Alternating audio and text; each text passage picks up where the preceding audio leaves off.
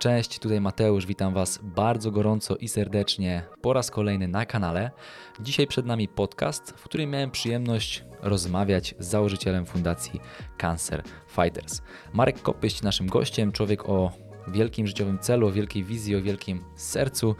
Przybliży nam swoją historię, historię powstawania fundacji Cancer Fighters oraz porozmawiamy o takich technicznych kwestiach prowadzenia takiej działalności, jaką jest właśnie Fundacja Charytatywna.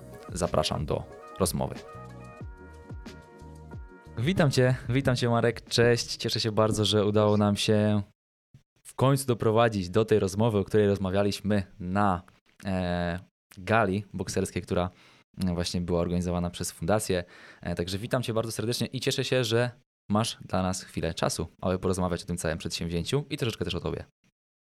Bardzo mi miło, fajnie, że w końcu się udało złapać i jak najbardziej, jeśli możemy poszerzać, wiadomo, gdzieś tutaj wiedzę o Cancer Fighters i o nowotworze, no to ja zawsze jestem chętny. Jasne. E, mam kilka wątków, które e, chciałbym na pewno z Tobą poruszyć i zacznijmy sobie od, od Ciebie po prostu, od Twojej osoby, bo mm, no, można powiedzieć, że to wszystko zaczęło się od Ciebie, od tego, co Ciebie spotkało, od tego, jak Ty to wykorzystałeś na Mm, może niekoniecznie swoją korzyść, ale chociaż, chociaż w sumie czemu nie, na swoją korzyść i e, tą taką siłę upadku, ja bym to tak w cudzysłowie nazwał, odwróciłeś e, w działanie i w pomaganie innym. A więc przybliż, przybliż proszę Twoją historię e, słuchaczom i widzom. No tak, no tutaj idealnie odzwierciedla to mój pierwszy tatuaż, który zrobiłem sobie, że moc słabości się doskonali. To jest tak naprawdę cała moja historia. No, zaczęło się od tego, że ja wyjechałem już w wieku 13 lat e, do szkółki piłkarskiej, e, no po to, żeby spełniać marzenia. E, no u mnie wszyscy w rodzinie praktycznie sportowcy, tata też grał w piłkę, brat grał w piłkę, ja zawsze chciałem podążać po prostu ich śladami. I wiedziałem, że to jest, to jest też moje przeznaczenie. Poszedłem do tej szkółki, szło różnie, no bo tutaj wiadomo, mieszkanie w internacie, no tęsknota za rodzicami, jak to młody chłopak. No tak minęły dwa lata. Minęły dwa lata, ja się rozwijałem, rozwijałem się jako młody chłopak, rozwijałem się jako młody piłkarz. no i wtedy miał nadejść tak naprawdę taki mój najważniejszy etap wszystko fajnie się potoczyło, złapałem tak naprawdę formę życia, podpisałem e, pierwszy e, kontrakt już e, na jakieś tam pieniążki i chwilę po tym miałem mieć właśnie Mistrzostwa Polski, jeszcze jeden ważny turniej. Poszedłem do lekarzy tak naprawdę z tym, bo jakieś krwinki mi popękały na klatce piersiowej. No i mówię po prostu, później miały być wakacje, no to chcę dobrze też wyglądać na plaży. No byłem młodym nastolatkiem, no to też o tym myślałem. No i wtedy lekarz zrobił mi prześwietlenie. I na drugi dzień miałem iść z tym. Już jak odebrałem to prześwietlenie, to tak coś mi świtało w głowie, że jakoś to tak dziwnie wygląda. Nie wiem, czy to tak powinno prawidłowo wyglądać, e, moja klatka piersiowa. I wtedy poszedłem do lekarza, byłem sam. E, tam musiałem gdzieś się, zwolnić z lekcji, poszedłem. Zaraz mieliśmy na drugi dzień mieliśmy jechać e, na turniej. No i wtedy dałem to lekarzowi, lekarz spojrzał na mnie, pielęgniarka pokazał to pielęgniarce, nic nie mówili. Kompletna cisza. Później on wstaje i mówi, że musi się skonsultować. Już mówię, coś jest nie tak. Przechodzi lekarz e, z konsultacją i mówi, że mam wielkiego guza w klatce piersiowej e, i że jest potrzebna natychmiastowa operacja. No to ja w tym momencie no i tak dalej miałem jedno w głowie, ja muszę pojechać na ten turniej, na Mistrzostwa Polski. E, tak naprawdę że wiedziałem, że to mi da przejście do tego, że spełnię swoje marzenie i zagram z orzełkiem e, na piersi w młodzieżówce. No on powiedział, że tam Mistrzostwa Polskie miałem e, bodajże za dwa tygodnie, że do tych Mistrzostw Polski mogę nie dożyć. To mnie po prostu załamało. To mnie załamało, ja miałem łzy w oczach, nie wiedziałem co tak naprawdę e, powiedzieć. E, on wiedział, że jestem skupiony tylko na tym, żeby dalej grać, e, więc lekarz sam mi powiedział, że jeśli nie przyjdę tam za godzinę z, z trenerem, który był tak naprawdę w internacie odpowiedzialny za mnie, no to on naśle na mnie policję, że musi mnie doprowadzić do, e, do leczenia. Miałem 10 minut drogi do, drogi do, do klubu swojego. Uspokoiłem się. Na początku oczywiście zadzwoniłem do rodziców, powiedziałem jaka jest sytuacja, żeby od razu przyjeżdżali. Zapłakany niesamowicie. Nie, nie mogłem z siebie wydobyć żadnego słowa. Uspokoiłem się wchodząc do klubu. Pamiętam, spotkałem swojego trenera, teraz już niestety świętej pamięci, no, który powiedział, Marek, co się stało? W tym momencie znowu pęknąłem. Wiedziałem, że tak naprawdę wszystko jest zaprzepostrzone. Ja mogę stracić życie. Powiedziałem mu, o co chodziło.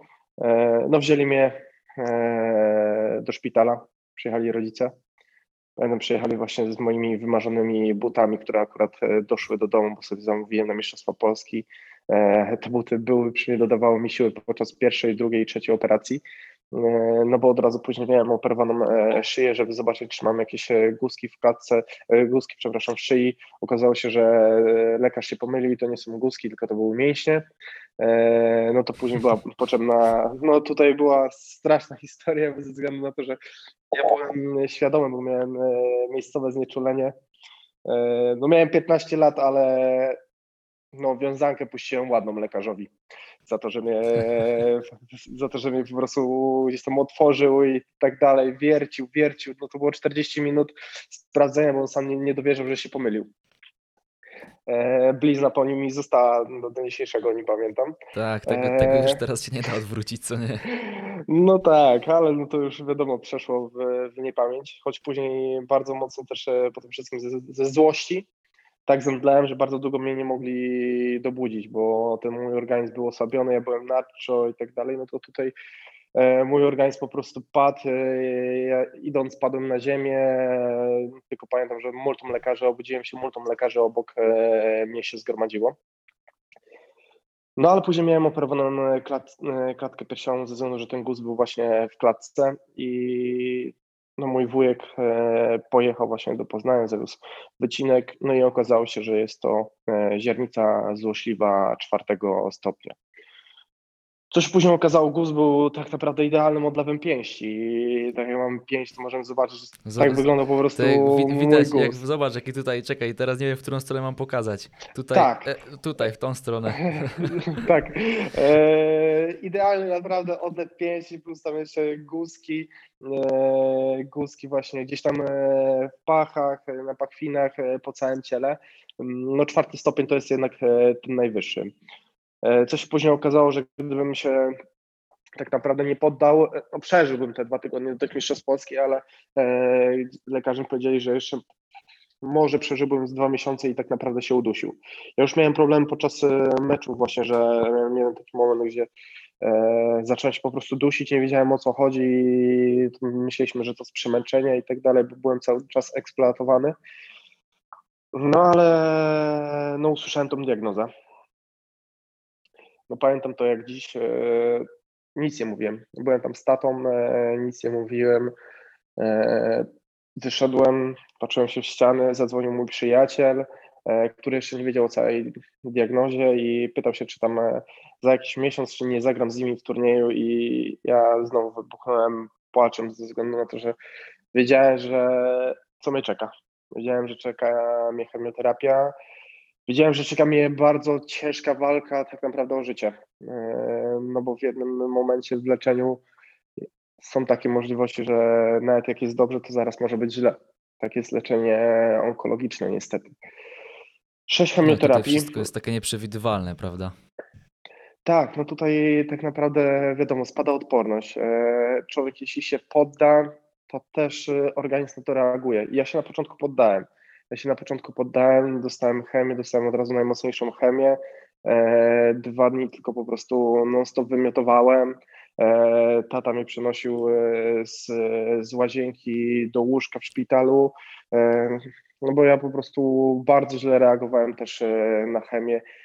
Nie chciałem z nikim rozmawiać, naprawdę miałem po prostu wszystkiego dość, no bo zostały mi zabrane marzenia marzenia, o które walczyłem od e, dziecka, no bo ja już jako mały chłopiec e, chodziłem z tatą na treningi, jak miałem 11 lat, no to już trenowałem z seniorami, 13 lat e, zagrałem w jakichś sparingach z seniorami, bo to, to było całe moje życie. Ja nie wyobrażałem sobie nic innego. Tak jak mój brat miał jeszcze swoją naukę i tak dalej. Ja byłem od początku nastawiony tylko i wyłącznie na piłkę nożną. Nie widziałem innego sensu poza tym. No i to zostało zabrane. Zostało zabrane. Chemioterapia. Ciężkie chwile, naprawdę ciężkie chwile, no bo każda chemia była inna i każdą niestety na początku tak samo przechodziłem, że ja bardzo dużo wymiotowałem i e, tak naprawdę pół dnia to spędzałem w łazience wymiotując, e, ze względu, że mój organizm tak, e, tak to wszystko odrzucono, ale ja wiedziałem, że e, to mój brat powiedział mi właśnie e, po bodajże pierwszej chemii, że młody zobaczysz, ty będziesz miał taką historię, która będzie cię inspirowała i kiedyś w swojej biografii napiszesz e, to, że to jest twoja właśnie e, największa siła. Może to, wiadomo, moje życie poszło zupełnie w innym kierunku, ale, ale tak, to jest, w tym momencie to jest e, moja siła. Miałem, na pewno miałem też takie bardzo mocne załamanie e, podczas połowy leczenia, gdzie no już nie wiedziałem po prostu jak to pójdzie. Gdzieś miałem o kilka dni przełożoną chemię ze względu, że E, że moje wyniki bardzo spadły. I tutaj nie wiedziałem tak naprawdę. Nie wiedziałem, czy się poddać, no bo już przechodziły mnie takie myśli, myśli właśnie, gdzie przez e, kilka miesięcy nie myślałem o tym, że mogę umrzeć, to tutaj przechodziły mnie takie myśli. A co jeśli? A co jeśli zaraz no, skończy się mój żywot? Ale udało się, no to, to było wszystko chwilowe. Ja miałem tak e, z rodziną moją taki układ, E, no bo z internetu wiadomo, wróciłem tutaj do domu rodzinnego, e, codziennie pisaliśmy sobie na, mama mi kupiła tablicę, codziennie pisaliśmy sobie inny cytat. Inny cytat, e, który jak rano wstawałem miał mnie motywować. Motywować mnie do walki właśnie z chorobą. No i dzięki mojej rodzinie tak naprawdę się to udało. Udało się wygrać z chorobą, pomimo, że nie było trudno. Później była jeszcze radioterapia radioterapia, zakończenie leczenia, gdzie e, i tak okazało się, że mam e, dalej guza w klatce piersiowej, gdzie lekarze tutaj tak naprawdę e, stwierdzili, że najprawdopodobniej będzie potrzebne następne leczenie. A wiedziałem, że jeśli jest potrzebne następne leczenie, to tak naprawdę nie mają na mnie pomysłu na mnie i na mój organizm. I tutaj też była troszeczkę takie załamanie, ale kazali mi zrobić badania PET, które miały pokazać, czy e, ten guz jest blizną, czy, e, czy są dalej tam komórki nowotworowe.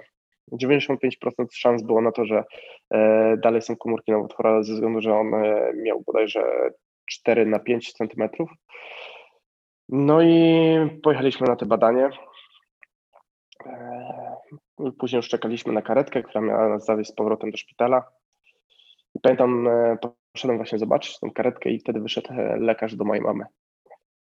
I widziałem, że jej coś mówi, ona się nie ruszyła. W ogóle stała jak wryta. Lekarz odszedł. Z zamurowana. Tak, i lekarz odszedł i ja w tym momencie w myślach zwyzywałem wszystkich, zwyzywałem Boga, czemu i tak dalej. I ja, E, no i podchodzę do niej i już tak po prostu wiedziałem, co mnie czeka. Wiedziałem, że czeka mnie coś strasznego. Ona w tym momencie z, z, z takim głosem e, łamliwym powiedziała, synu, jesteś zdrowy. I to były najpiękniejsze słowa, które e, usłyszałem. Odrodziłeś się jak Feniks, kurczę, z popiołów. Ja, tak. Ja, ja ci powiem, bardzo często mm, też może niektóre osoby blis, bliższe nawet y, dla mnie, rozmawiając z nimi na takie tematy jakieś tam cięższe, ja, ja być może nawet za bardzo czasem obracam to mm, właśnie na naszą korzyść, na, w taki pozytyw. E, teraz nie chcę rozwiewać tutaj jakichś tam, e, rozwijać tematów egzystencjonalnych i podejścia do śmierci życia, ale po prostu zawsze szukać, szukać tych dobrych stron, zeszło to ciśnienie, właśnie też, też już widziałem tutaj w tym momencie opowieści, że no, dalej jesteś młodą osobą, tak? To można, można powiedzieć, że pewnie to siedzi w głowie i... No, już nie taką młodą. I, i się, no, ja, ja myślę, że młodą, młodą, spokojnie. Jeszcze dużo lat, dużo, dużo, pracy przed tobą, dużo lat pracy przed tobą w fundacji i, i całej, i, i całym, i wiesz, zarządzaniu tym całym przed, przedsięwzięciem. Dobra. Jest ok, wychodzisz z tego. Odradzasz się jak kurczę Feniks z popiołów i skąd tak naprawdę ten pomysł na takie, na takie przedsięwzięcie, na, na założenie, takie, na stworzenie takiej inicjatywy, no bo y, jestem sobie w stanie wyobrazić, że pewnie gdzieś tam w głowie takiego człowieka, który mm, wychodzi z takiego ciężkiego momentu, stanu, również będąc bardzo młodym chłopakiem, y, być może chce mm, pokazać właśnie innym, chce to zrekompensować jakoś, chce oddać to, że udało mu się i możesz zostać, wiadomo, jakimś wolontariuszem, y, jakiś tam uczestniczyć, uczestniczyć w jakichś zbiórkach, zbiórkach i tak dalej. Y, no a u ciebie jednak y, to poszło, powiedziałbym, taki krok dalej, nie? czyli że sam z siebie chciałeś stworzyć coś, co teraz jest już duże, a Oczywiście wiem, wiem o tym po prostu, bo cię znam osobiście, wiem jakie są twoje dalsze gdzieś tam plany, cele i, i, i że to wszystko zrealizujesz. No ale na początku wiadomo, na pewno było troszeczkę inaczej. Teraz jest to już duże, duże, duża instytucja i, i duże przedsięwzięcie całe, które pomaga, mm, pomaga właśnie w walce z chorobą nowotworową. Ale jak to się zaczęło? Po prostu skąd ten pomysł? Coś, coś po prostu tak zatrybiło? Taka lampeczka e, zaświeciła, czy to ewoluowało jakoś z biegiem czasu? Ja myślę, że tak, mm, ostatnio miałem właśnie takie myśli o tym, że to tak naprawdę wzięło się od, od dziecka. E, moi rodzice są e, katechetami. Ja mam dwójkę jeszcze rodzeństwa, jestem najmłodszy. Moja mama jest cudowną kobietą. Cudowną kobietą, którą, która zawsze wszystkim pomaga. O, I to myślę, że jej wpływ szczególny był właśnie taki na mnie. Ja pamiętam już jako młody chłopiec jeździliśmy codziennie z mamą południe, jak ja tam już e, wróciłem, czy ze szkoły, czy e, mam już tam e, z przedszkola, zawsze jeździliśmy odwiedzać starsze osoby, pomagać im. Mama im sprzątała, robiła im zakupy i codziennie jeździliśmy wspierać te osoby. Wiadomo, tutaj jeszcze inne mama zawsze wspierała. Robiła wycieczki dla najuboższych dzieci gdzieś tam z parafii, z całej gminy, bo ja pochodzę z mojej miejscowości. I myślę, że to tak naprawdę od nich się wszystko wzięło. I wcześniej tak właśnie nigdy na ten temat też nawet nie rozmawiałem, ale to wszystko mogło się wziąć od niej, że ona mi pokazała taką e, drogę. Ja często błądziłem, no bo e, wiadomo, no tutaj e, była choroba, ja później wróciłem do sportu, później niestety przez kolejne gdzieś tam problemy zdrowotne musiałem zakończyć e, e, gdzieś tam e, no, takie myślenie profesjonalnie o, o sporcie i się zagubiłem też. Zagubiłem się, e, wiem, że przez to też było dużo krzywdy właśnie dla moich e, rodziców, e, bo nie wiedziałem, co ze sobą zrobić. No, jeśli masz jeden wyznaczony cel, to tak naprawdę później twoje życie jest takie troszeczkę puste i ja szukałem tego właśnie celu w swoim życiu. Nie mogłem przez długi czas go znaleźć, bo ja też nie chciałem od razu po chorobie, żeby ludzie wiedzieli o tym bo uznałem, że ja nie chcę po prostu współczucia. Ja za czasów choroby właśnie e, widziałem, jak wychodziłem, że ludzie się po prostu patrzyli na mnie e, z takim politowaniem. Politowaniem patrząc e, widzieli, że no, że jestem łysy, bo mi włosy wypadły, e, że chodzę przez to w, w czapce, bo się tego wstydzę. E, I ten ich wzrok mówił wszystko ale nie chciałem takiej litości. Ja wiedziałem, że ja jestem silny w sobie, a ta, te ich spojrzenia po prostu mnie dołowały i to myślę, że jest najgorsze właśnie, jeśli podchodzimy do takich osób e, z niesamowitą e, litością, mamy ich wspierać, motywować, a nie, że sam wzrok mówi, e, no ty możesz zaraz umrzeć. Ja to tak widziałem od obcych osób, no ale też miałem grupę swoich przyjaciół, którzy mnie wspierali, którzy teraz ze mną też działają choćby Piotrka, z którym się wychowałem, który przychodził e, do mnie codziennie grać e, w PS-a, non-stop tykaliśmy, on mnie ściął mm, na łyso, jeszcze tam kombinowaliśmy z włosami, na panka się zrobiłem, różne takie, żeby po prostu rozśmieszać, bo ja też jak ściąłem się, to kazałem rodzicom ściągnąć wszystkie lustra w domu. Ja nie chciałem przez się, na siebie patrzeć. W domu nie mieliśmy lustra przez 8 miesięcy. Rodzice wszystko dostosowali pode mnie. No i tak jak mówię, no później błądziłem bardzo, szukałem, ale pomyślałem, że no to jest ten czas. I poszedłem na studia do Wrocławia, dołączyłem do wolontariatu Fundacji Mam Marzenie. No tutaj gdzieś tam się spełniałem, ale cały czas po głowie mi chodziło, że ja chcę czegoś więcej. Ja od dziecka miałem takie wrażenie, e, że ja muszę coś w życiu zrobić wielkiego. Może to jest takie dziwne przeświadczenie, może dziwne to jest to, co mówię, ale zawsze to za mną e, w głowie chodziło, że ja wiem, że jestem stworzony do czegoś większego. Może nie jestem najmądrzejszą osobą, nie jestem najbardziej kreatywną, ale ja zawsze się wierzyłem, że ja coś, coś dokonam po prostu w tym swoim życiu. No i były te momenty, właśnie tutaj dołączyłem do, wolontari- do wolontariatu, pomagałem, no ale była ta dalej, bo to dalej podpowiadanie w głowie, że to jeszcze nie jest to. I Czegoś po prostu brakowało, co nie? Tak, no to, to nie byłem w 100% e, ja. I wtedy też e, psycholog, która e, była też ze mną podczas choroby, zaprosiła mnie do kliniki, żeby porozmawiać z jednym chłopcem, który mm, właśnie poddał się, bo drugi przeszczep się nie przyjął. No to ja mówię, jak najbardziej pójdę porozmawiać i rozmawialiśmy kilka godzin. No i później nie wiedziałem tak naprawdę, jak to na niego wpłynie. No bo to była pierwsza moja taka rozmowa i później okazało się, że bardzo pozytywnie to wpłynęło. E, przyjął się trzeci przeszczep, e, udało się. E, no i to był jeden z takich bodźców, gdzie już wiedziałem, to jest to. Później jeszcze poznałem Igora, który niestety dwa dni temu właśnie zmarł. To jest, był teraz też moim podopiecznym. Zanim jeszcze założyłem fundację, też właśnie odwiedziłem go jako młodego chłopca i on też już właśnie tak mówię, że coś mi się tkli w głowie, tak e, rozmawialiśmy tak e, z młodym chłopakiem, ale tak e, o wszystkim i on też tak mówi, no to zacznie działać i tak dalej. Takie wzajemne wsparcie, to był młody chłopak, ale był niesamowicie mądry. No i siedziałem w domu, właśnie pamiętam wtedy u rodziców i tak ten głos wewnętrzny cały czas mówi, że to jest jeszcze nie to. I robiłem coś na studia, no i tak cały czas myślałem, co tu mógłbym zrobić. E, słuchałem sobie muzyki, poszedłem spać. E, poszedłem spać. Czwarta w nocy. Ja mówię, dobra, mam.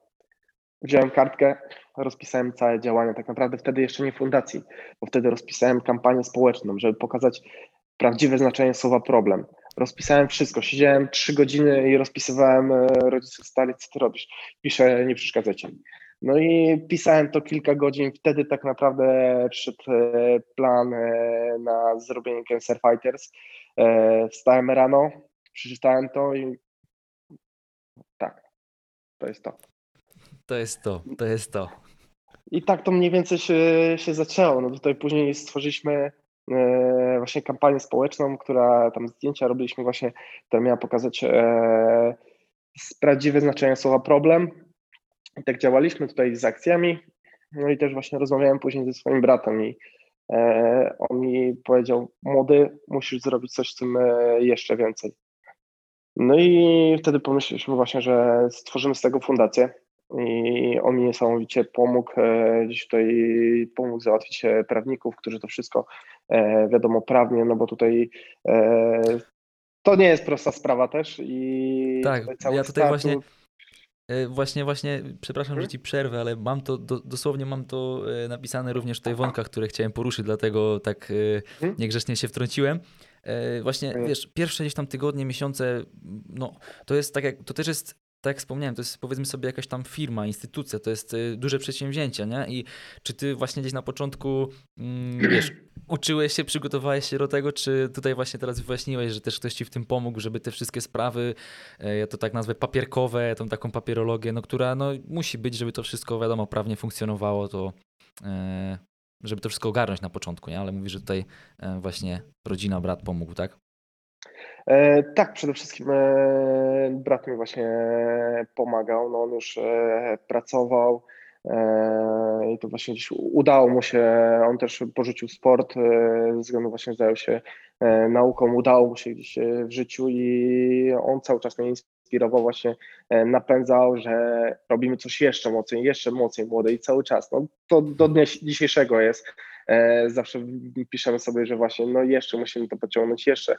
I on w swoim życiu i ja w swoim, takie wzajemne napędzanie się. I on mi pomógł, załatwił kancelarię właśnie swojego przyjaciela, który pomógł zrobić cały statut. Tutaj zajęli się obsługą gdzieś właśnie prawną fundacji. No i ja się uczyłem tak naprawdę, no bo wiadomo, no to wszystko było nowe. Nie wiedziałem, jak e, wszystkie swoje gdzieś finanse, które miałem odłożone, wszystko to rzuciłem, e, pożyczyłem od rodziców. E, ja też nie pochodzę z bogatej rodziny, no moi rodzice są nauczycielami. No, to, co mogłem od nich pożyczyłem, żeby założyć fundację.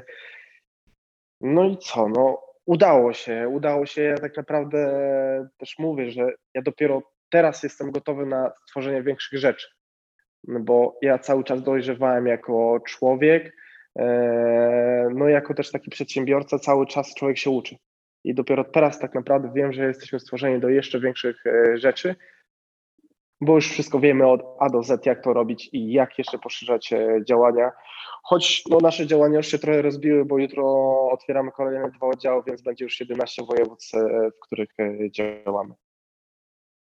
A, no, jak to mówią, no człowiek uczy się całe życie, a myślę, że szczególnie w tym takim życiu mm, przedsiębiorczym bardziej, no bo jednak y, czy to zarządzając, y, nie wiem, finansami swoimi, czy to zarządzając finansami fundacji, czy firmy, czy czegokolwiek innego, no y, tego to wszystko gdzieś tam z biegiem czasu, tak, i, i później też poszerzając te horyzonty, zdobywając jakąś tam nową wiedzę, potykając się, możemy właśnie możemy, jesteśmy przygotowani, jesteśmy gotowi na to, żeby tworzyć jeszcze większe, jeszcze większe, jeszcze większe e, rzeczy. Dobra, mm, a więc przejdźmy Powiedziałeś dobrą rzecz, do... E, że właśnie hmm? potykanie się o błędy. Musimy popełniać błędy i to zawsze jest najważniejsze, jak na nie reagujemy. To jest e, tak moje, że jeśli wiem, że popełnię błąd, reaguję na to w ten sposób, że zawsze jest wyjście, z wszystkiego jest wyjście. Zawsze. Tak.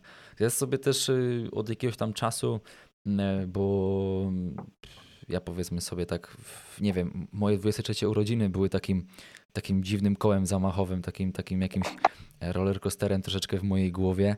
Nie wiem czemu, pewnie o tym będę mówił jeszcze, ale potrzebuję się do tego dobrze przygotować, bo jest dużo do opowiadania i nie chcę się za bardzo rozwlekać. E, ale do czego zmierzam? Do tego, że sobie zacząłem tłumaczyć też wszystko jako trening, nie? Czyli nie, błąd to jest trening, nie? To jest po prostu kolejny trening.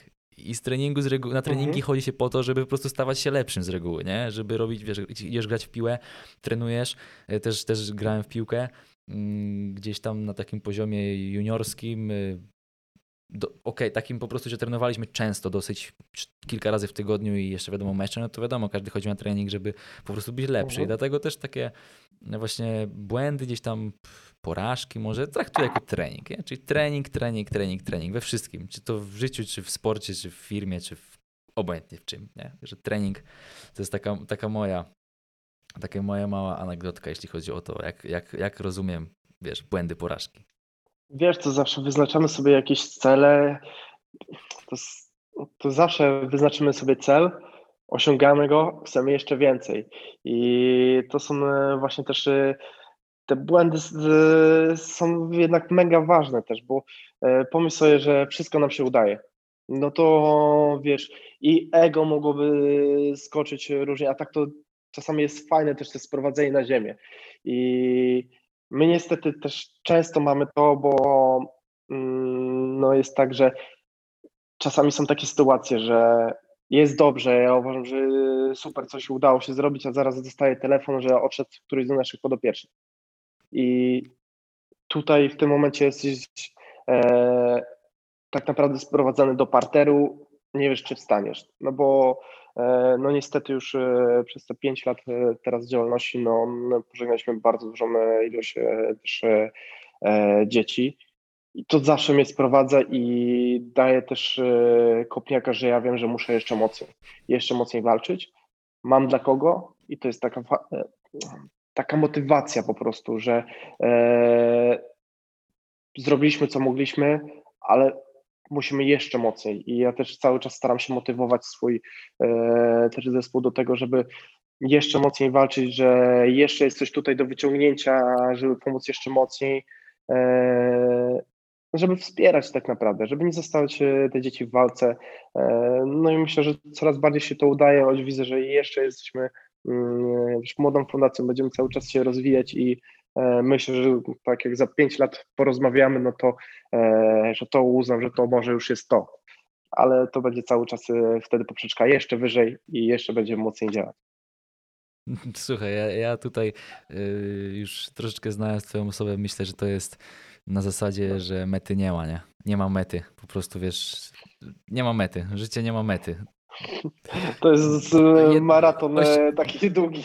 Tak, to po prostu nie ma mety, nie? Ale fajnie, ja teraz obserwuję no i też jak mogę oczywiście wspieram tutaj działania, także oby, oby to wszystko rozwijało się w nie jak najszybszym tempie, w odpowiednim tempie, bo wiadomo też czasem co nagle to podjawle, to mówią, nie? Także wszystko w swoim tempie, ale tylko do przodu. Dobra, powiedz mi teraz, jak wygląda pozyskiwanie, jak ogólnie tworzycie jakiś event, tak? Hmm. Były mecze, tutaj właśnie jakiś, e, była gala bokserska, której, w której uczestniczyłem. No, było to naprawdę wielkie wydarzenie. E, rozmawiałem nawet e, z założycielem KSW, Mm, z, z, z, z panem Martinem Lewandowskim, którego również mam nadzieję tutaj będę gościł, e, no to no, po prostu powiedział szapoba, tak, propsy za coś takiego. I powiedz, jak to wygląda od początku mm, finansowanie takiego czegoś, szukanie ambasadorów takich e, imprez? Mhm. Czy to jest wszystko związane z szczodrością, dobrocią i chęcią pomocy innych ludzi? Czy tutaj e, jednak no, szukanie jakiegoś miejsca, jakiejś tam atrakcji i tak dalej, to wszystko jest w rękach fundacji i to jest gdzieś tam finansowane z jakichś zbiórek? Nie, no tutaj my zawsze pod e, każdy event znajdujemy gdzieś sponsorów. To jest też zawsze E, wiadomo, dzwonię do różnych firm, e, staram się wysyłać oferty sponsorskie, e, spotykać się, gdzieś negocjować jak najniższe ceny, ewentualnie za, za pozyskanie, czy ewentualnie czegoś wrzucenia po prostu w umowę barterową, że wiadomo, wzajemna wymiana, że my gdzieś oznaczamy, wrzucimy jako sponsora, partnera, to staram się zawsze jak najmniej po prostu, przepraszam, ale tylko... Spokojnie. E, jak najmniej e, mniej po prostu, żeby udało się wydać. E, no wiadomo, tu jest bardzo duży proces, no bo to jest od rozpisania całego eventu do właśnie pozyskiwania sponsorów, do dogadania miejsca. Najgorzej zawsze się dogaduje właśnie, jak my mieliśmy meczek gwiazd, to żeby dograć wszystkie gwiazdy, to ja po prostu terminy, telefon, terminy gonią. Tak, y, telefon y, płonie i tak dalej, jest y, kilkadziesiąt osób, e, więc powiem Ci, że przy takiej gali właśnie jak teraz robiliśmy galę boksu, to była przyjemność organizowania, bo tutaj, bo mniej ilość osób, wszyscy na miejscu, więc na pewno będziemy to też e, chcieli kontynuować. No już miałem rozpisane trzy gale do przodu, jedna w Wrocławiu, druga e, w Warszawie, jeszcze trzecia w Poznaniu. No niestety to jest wszystko przełożone w czasie, ale na pewno będziemy chcieli robić kilka. Co to jest też takie rozdysponowanie na, na ludzi. Tak naprawdę jedna osoba zajmuje się właśnie sponsorami, druga do, dogadywaniem ewentualnie miejsca, no i też przez to, że ja gdzieś mam tutaj kontakt z wszystkimi ambasadorami, no to ja zawsze zajmuję się właśnie ściągnięciem e, ambasadorów, ale to są ludzie, którzy tak naprawdę też e, tylko dzwonisz do nich, e, czy mogą być, oni tylko mówią, Marek, kiedy jestem. To są wielcy ludzie. My współpracujemy ze, ze środowiskiem sztuk walki. Ja na początku nie wiedziałem, że to tak po prostu też wyjdzie. No tutaj jedna, druga osoba, mówię, kurde, super, udało się właśnie Asie Jędrzejczyk, mówię, no, no genialnie, Asia wtedy jeszcze nie była mistrzynią. E, zaraz udało się Michała Materle. I później już tak poleciało i teraz tak naprawdę mamy kontakt ze wszystkimi ze środowiska sztuk walki i oni z własnego wielkiego serca chcą e, pomagać. Ja zawsze mówiłem, że ja nie wpuszczę do fundacji swojej też osoby, która nie chce pomagać, która chce za przeproszeniem się lansować. Ja nie chcę tego, bo e, fundacja ma na celu wsparcie, tak jak my zbieramy środki, no to my zbieramy, żeby je wydawać. I tak to ma polegać. My nie mamy gromadzić e, jak największej ilości e, środków, tylko my mamy wydawać, robić wszystko, co możemy, żeby zdobywać kolejne środki, żeby znowu je wydawać. I to ma być takie kółko, no bo przez to, że my łapiemy gdzieś tutaj właśnie środki finansowe, czy po meczach charytatywnych, galach, e, czy różnych e, rzeczach, zbiórkach i tak dalej, to jest to, że my to praktycznie od razu wydajemy, rozdysponowujemy na czy oddziały, czy dzieci.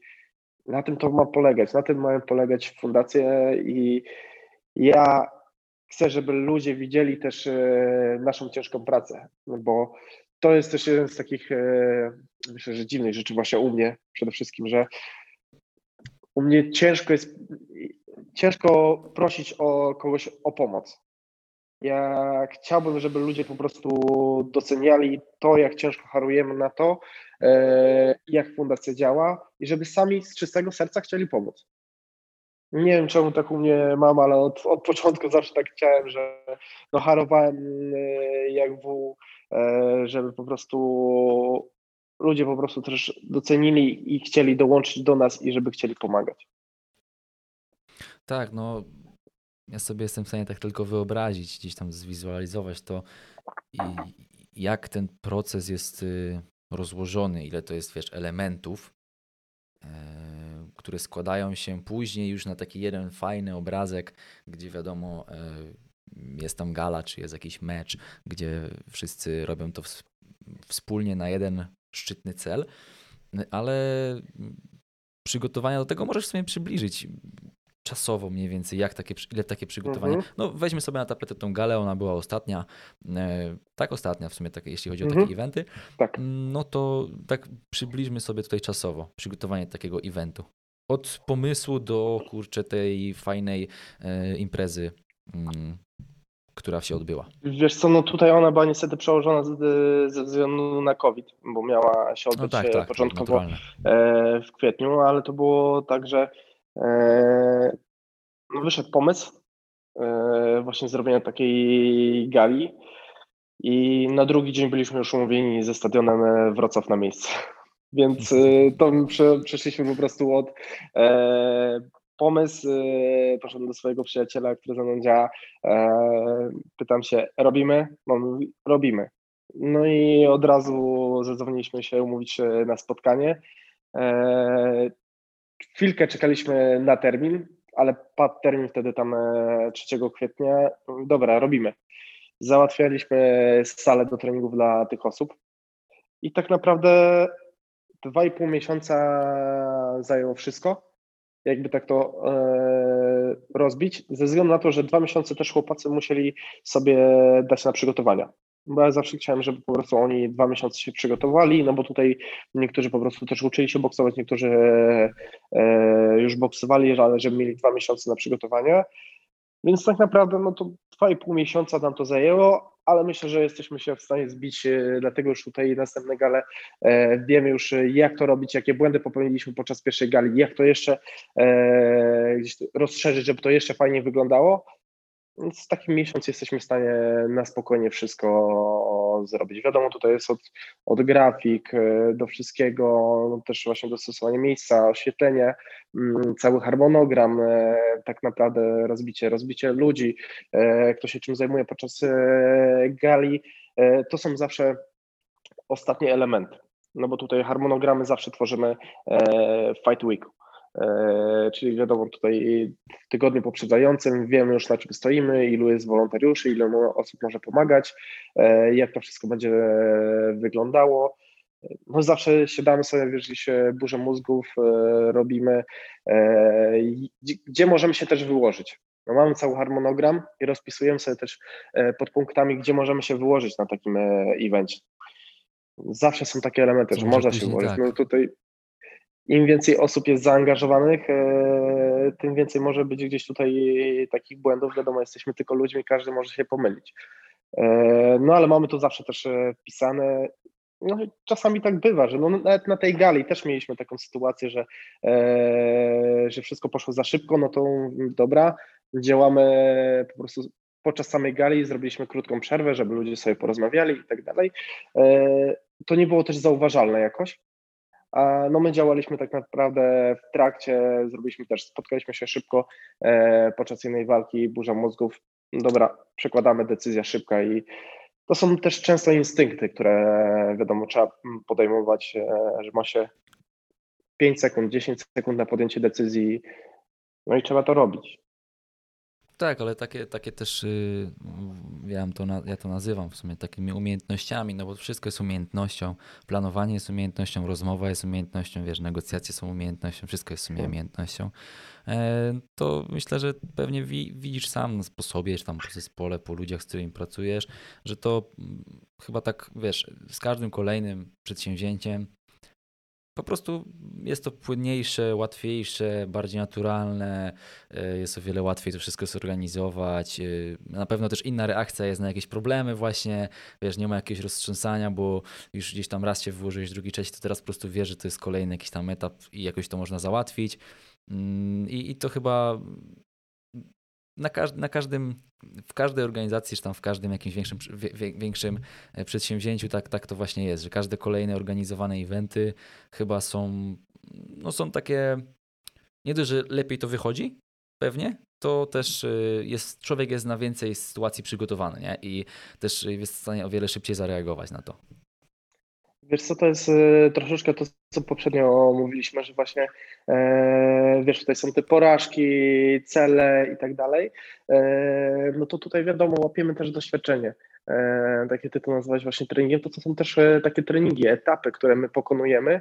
E, no oczywiście, było już e, łatwiej, tak samo przy drugim meczu charytatywnym też było łatwiej, choć tam e, też dużo rzeczy się wyłożyło, nie poszło tak naprawdę po naszej myśli z wieloma rzeczami. Ja o tym nie mówiłem, no bo to zawsze zostałem e, gdzieś tutaj u siebie.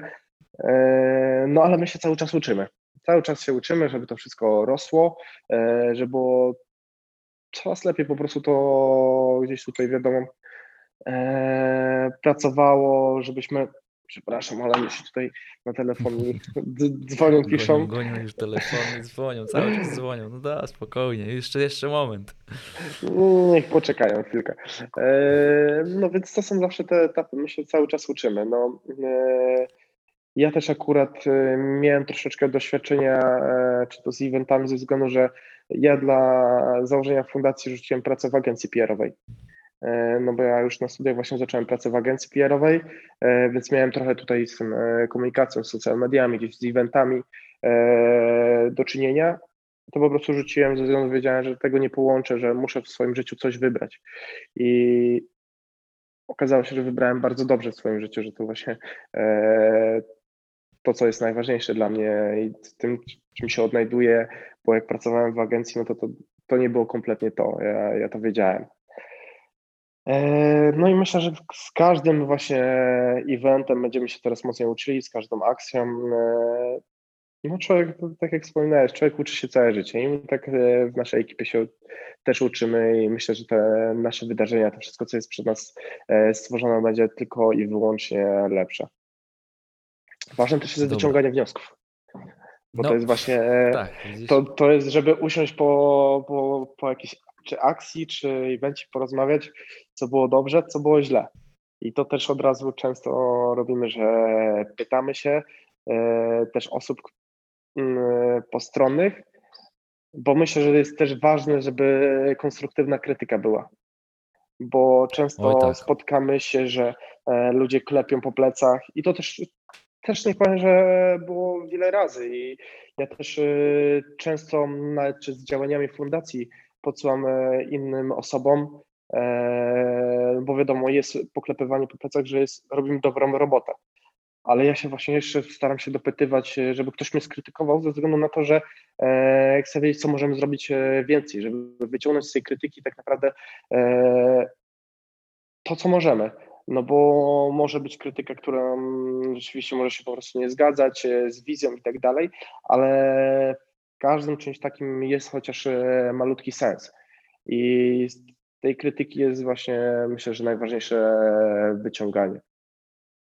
Tak, a wiesz, powiem Ci, że my też tak jako ludzie yy, yy, tak naturalnie nie lubimy słuchać tych takich właśnie rzeczy nieprzychylnych temu, co robimy, choć tak naprawdę te nieprzychylne rzeczy e, i teraz już, już nawet abstrahując, czy jest to konstruktywna krytyka, czy to jest niekonstruktywna, czy wiesz, ktoś sobie subiektywne jakieś swoje opinie e, gdzieś tam e, rzuca, to, to jest jedyna droga do, do tego, żeby się czegoś nauczyć, żeby coś poprawić, co nie? Tak, no, bez tego, bo właśnie mówisz, ktoś cię ciągle poklepuje, o super robicie, bo wiadomo, że super, bo macie szczytny cel i w ogóle, ale no to też trzeba na moment zostawić z boku i po prostu usiąść tak chłodno i zastanowić się, wiesz, co można zrobić jeszcze lepiej, jeszcze lepiej, a w tym najbardziej po pomaga właśnie ta, pomagają takie opinie konstruktywne, konstruktywne nawet krytyki pewnych działań, bo wtedy można zrobić, spróbować, wytestować, wykombinować coś innego, nie? Także nie bójmy się krytyki, to jest bardzo ważne.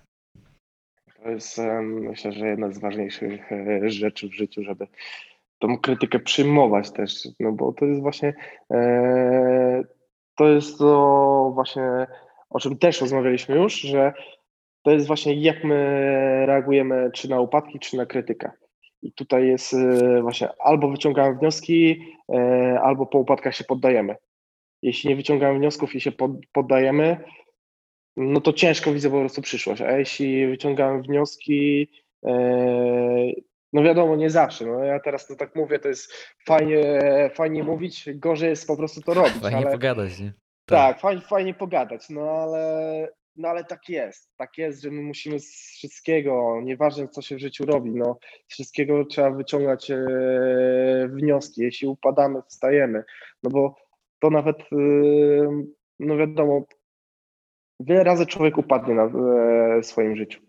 No, rok ma 365 dni, no to może być tak, że wiele razy upadniemy. I może być tak, że tylko ten jeden dzień będzie cudowny, ale ten jeden dzień będzie najważniejszy i będzie przechylał wszystko to, co e, stało się złe. I ja to też tak dążę w fundacji, że no tyle razy upadniemy, ale jeszcze będzie dobrze i do tego dążymy. Tak, to jest fajne podsumowanie tego, e, całej tej historii, wszystkiego tego, jak to się zaczęło e, z fundacją, z tobą. Właśnie, że czasem trzeba czekać 900, 1000, 1500 dni na ten jeden, nie? który wiesz, później przychyli szale e, na naszą korzyść i już od tego dnia później będzie leciało znowu na plus, a później znowu na minus, a później znowu na plus, nie? Raz słońce świeci, raz pada deszcz. Fajnie, powiedz jeszcze nam, jakie masz plany ogólnie e, na najbliższy czas? Może nie będę wybiegał za bardzo w przyszłość, bo oczywiście e, pytanie tam na, na następne 5-10 lat, no to wiadomo, mhm. nawet ten rok E, ten, ten przeklęty rok nam pokazał, że tutaj trzeba, można planować, ale trzeba też tak bardzo, bardzo ale w najbliższym te, Ale też można wyciągnąć wnioski z tego roku. Ale, oczywiście, że tak, nie? Oczywiście, że tak. No. Tak, tak. To jest, to jest, to jest y, myślę, że taka jest bardzo ważna lekcja dla wszystkich ogólnie. Ale no, jakie plany powiedz? Wiesz co, no będzie się bardzo dużo też zmieniało. Wiadomo, oprócz e, miast, których, e, których e, dokładamy cały czas, mam nadzieję, że to 2021, że to już będzie 16 województw, w których będziemy działać. Taki jest cel.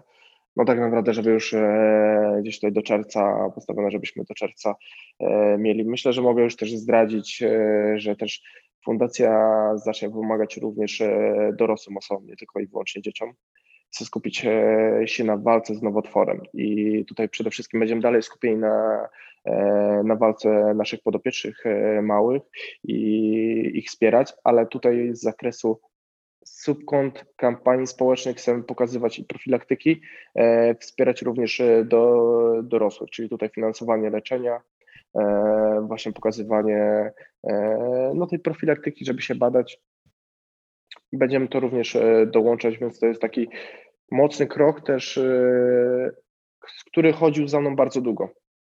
Bardzo długo nie wiedziałem i tak właśnie ten rok mi też tak pokazuje, że jest, e, no jednak nie mogę tego odwlekać. Jeśli coś mi chodzi już e, dwa lata tak naprawdę po głowie, że już od dwóch lat się mhm. biłem z tą tak. myślą, no to mówię, dobra, robimy to. No i będziemy od e, tak naprawdę już niedługo ogłaszać. W ogóle nie, nie miałem tego mówić. Będziemy tworzyli po prostu jeszcze fajny filmik, który będzie pokazywał to, że będziemy walczyć mhm. ogólnie e, o wszystkich teraz, bo byliśmy skupieni na, tylko na wyłącznie na dzieciach, a teraz będziemy walczyć o, również o dorosłych. No na pewno z takich jest e, dużo aspektów e, akcji. No niestety nie możemy wchodzić e, do klinik i tak naprawdę nie wiemy, kiedy to się, to się wydarzy. Tutaj też do kilku klinik będziemy dysponować osoby, które będą codziennie pracowały też z dziećmi, więc to też będzie bardzo duży krok naprzód. Oprócz wchodzi jeszcze kolejna akcja, która będzie też taka fajna, innowacyjna. Jeden sprzęt do klinik wchodzi. E, który będzie też e, nasz, e, ale to niedługo zdradzimy, bo to też jest coś, coś innego, co jest moim wymysłem ze studiów, które leżało na kartce i w tym roku też mówię Aha. właśnie, to jest, dlatego ten rok jest przełomowy, wyciągam po prostu wszystkie swoje pomysły i też stworzyliśmy właśnie jeden produkt, który wejdzie do szpitali, będzie to tylko i wyłącznie nasz, bo no nie ma czegoś takiego w tym momencie w leczeniu. Kurde, no dużo jest tych. No wiesz, jest, są gale, jest, są gale, są e, mecze charytatywne, no tylko niech po prostu pandemia nam pozwoli. Niech pandemia nam pozwoli, to będziemy działać jeszcze mocniej. No tutaj wiesz, chciałbym robić pięć gal w przeciągu pół roku, e, żeby 10 mm. robić na rok gal, no, zrobić mecz gwiazd w jeszcze większej formie tak naprawdę niż to zrobiliśmy na co dzień. No, poszerzamy coraz mocniej właśnie te nasze działania, e, żeby pomagać e, jeszcze mocniej finansować leczenie, ale też pomagać e, od strony mentalnej, żeby rozmawiać i z rodzicami, i dziećmi. Teraz w sobotę mamy kolejny tutaj projekt z osobami, które wygrały, żeby motywować właśnie jeszcze inne osoby. Też na święta robimy bardzo fajną akcję, no ale nie mogę zdradzić. Ja, ja, ja mam na to taką, takie małe, taką małe rozwiązanie. Po prostu ja oczywiście tutaj zachęcam, e, już tak kończąc, podsumowując, zachęcam do śledzenia profili, e, jeśli chodzi o działalność właśnie Cancer Fighters, Marka również. Wszystko podstawiam w opisie też mm, i również do sklepu Cancer Fighters, jak ktoś chce dołożyć jakąś cegiełkę, e, po prostu może sobie wystarczy zamówić jakąś bluzę, tak, bo to wszystko idzie do do jednej puszki, e, także jakąś bluzę, jakąś koszulkę. Ja akurat swoją nabyłem na, na, na, na, na miejscu, jak byłem na, na gali. Mm, cały czas sobie, sobie spokojnie leży, czeka na wyjątkowe sytuacje. E, ale to jest dosłownie mała cegiełka. Dla nas mała cegiełka, dla innych coś wielkiego. E, no Tutaj właśnie mogę też, mogę też mhm. zachęcić właśnie a propos tej małej cegiełki, bo no to akurat zdradzę, bo też w poniedziałek wychodzimy z takim nowym projektem, żeby dawać też do zrozumienia niektórym, będzie taki projekt, nazywał się Ambasadorzy Dobra. Będziemy zachęcali na naszej stronie, żeby podłączyć e, systematyczną właśnie płatność, ale taką małą cegiełeczką, 10, 10 przykładowo złotych. Wiadomo, każdy może sobie rozdysponować, ale gdzieś tutaj rzucam takie hasło 10 złotych i pomyślmy sobie, że jeśli przykładowo, nie wiem, czy E, tysiąc, odda, tysiąc osób odda 10 zł, no to mamy 10 tysięcy miesięcznie dla dzieci. Tak naprawdę 10 zł nas też nikogo e, jakoś tam nie zbawi, no to wiadomo, jest, nie wiem, e, coś słodkiego nie kupimy, cheata nie tak. zrobimy, nie zamówimy tak. burgera tak. i tak dalej. Papieroska nie zapalimy przez moment, nie? Dok dokładnie, czy piwka nie kupimy, no. a tak naprawdę sumując tą dużą grupę osób, jeśli to będzie systematycznie jeszcze większa e, liczba osób, no to takimi małymi cegiełkami jesteśmy w stanie stworzyć naprawdę wielkie rzeczy, bo to jest tak naprawdę niewielka, niewielki datek, który w łącznej sumie, jeśli ktoś, e, nie wiem, zacznie od, oddawać, powie swoim znajomym, oni też oddadzą, to pomyślmy sobie, jak wielką grupę takich ambasadorów właśnie dobra możemy stworzyć to można stworzyć naprawdę wielkie kwoty, które zostaną od razu też rozdysponowane i zainwestowane w dzieci, w ich leczenie, w ich życie. Więc zapraszam też właśnie do śledzenia i do dołączania do tego projektu, który już e, właśnie e, w następnym tygodniu.